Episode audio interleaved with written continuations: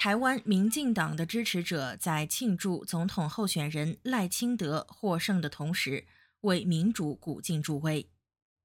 现年六十四岁的赖清德目前担任台湾副总统，而现任总统蔡英文将在任期满两届之后卸任。台湾拥有两千三百万人口，而中国声称台湾是其领土的一部分。尽管中国政府敦促台湾选民在投票时拒投民进党，并谴责赖清德是危险的分裂分子，但是民进党依然成功获得了百分之四十的选票，折合五百六十万张。一名民进党支持者表示，他为台湾选择拒绝北京的警告而感到自豪。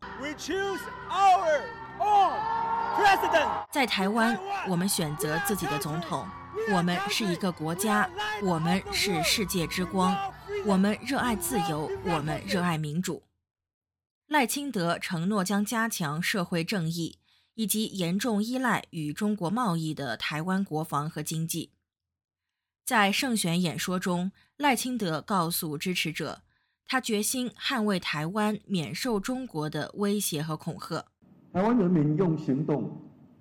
成功抵御外部势力的介入，因为我们相信自己的总统自己选，我们并没有进行任何的挑衅。那台湾只是想要维持民主自由的生活体制。然而，与四年前民进党以百分之五十以上选票获得压倒性胜利相比，这次的胜利显得更加低调。据信，中国政府更加青睐对中国更加友好的国民党。该党今年获得了百分之三十三点五的选票。国民党候选人侯友谊和赖清德一样，承诺重启与中国的对话，但是发誓如果当选，将不会推动台海两岸统一。侯友谊在败选演说中为未能为国民党夺回执政权而道歉。国民党在二十世纪八十年代民主改革之前，对台湾进行了近四十年的戒严统治。我个人是完全努力不够，非常遗憾的，未能完成政党轮替，我让大家失望了。我还在这里深深的表达我十二万分的歉意。抱歉，对不起大家。第三位候选人台湾民众党的柯文哲也吸引了部分年轻人的支持，他们希望在台湾传统的反对党之外另辟蹊径，重点关注经济和住房改革。柯文哲所在的民众党获得了百分之二十六点五的选票，八个立法院席位；民进党获得了五十一个席位。而国民党在台湾得票最多者当选制下，获得了五十二个立法院席位。中国迅速抓住民进党未获完全多数的机会，在国台办通过国家电视台 CCTV 宣读的声明中声称，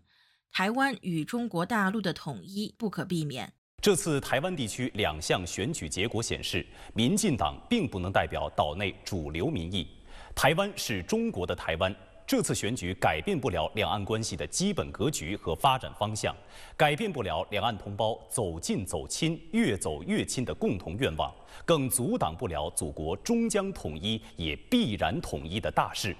台北的一名选民对少数党政府的前景表示不确定，但是表示这显示了台湾人民的民主意愿。反党没有过半这件事情的话，其实我是有一点担心的。不过我觉得这也是呃台湾人民的另外一种选择，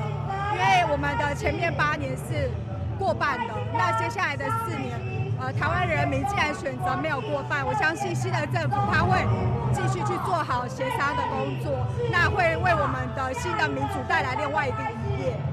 在国际社会上，由于包括澳大利亚在内的许多国家正式承认中华人民共和国。同时与台湾保持非官方关系，对此的回应受到复杂因素的影响。澳大利亚外交与贸易部祝贺赖清德获胜，并祝贺台湾的民主进程顺利，称这证明了台湾民主的成熟和力量。在美国，当被问及选举结果时，总统拜登只是重申美国不支持台湾独立，而美国国务卿布林肯则在其部门共享的一份声明中向赖清德表示祝贺。赖清德一直是台美关系的前沿和中心人物，他在八月前往拉丁美洲途中曾在纽约和旧金山停留，此举遭到了北京方面的批评。英国伦敦国王学院刘氏中国研究所所长凯瑞布朗表示，虽然中国国家主席习近平的目标及统一的威胁不太可能出现。但是赖清德的胜利表明，中国和台湾的关系仍将是不友好的。It's hard for it just to stick and and sort of put up with what it sees as constant erosion of any influence it has over Taiwan. So a lot of frustration. 在中国看来，他对台湾的影响力不断受到侵蚀，这很难忍受或容忍。因此，中国感到非常沮丧。我认为赖清德可以断言台湾可以忽略那一切，但是台湾有百分之四十或四十五的贸易是与中国进行的，因此单凭这一点就意味着双方一定存在某些关系，即使这种关系并不是特别友好。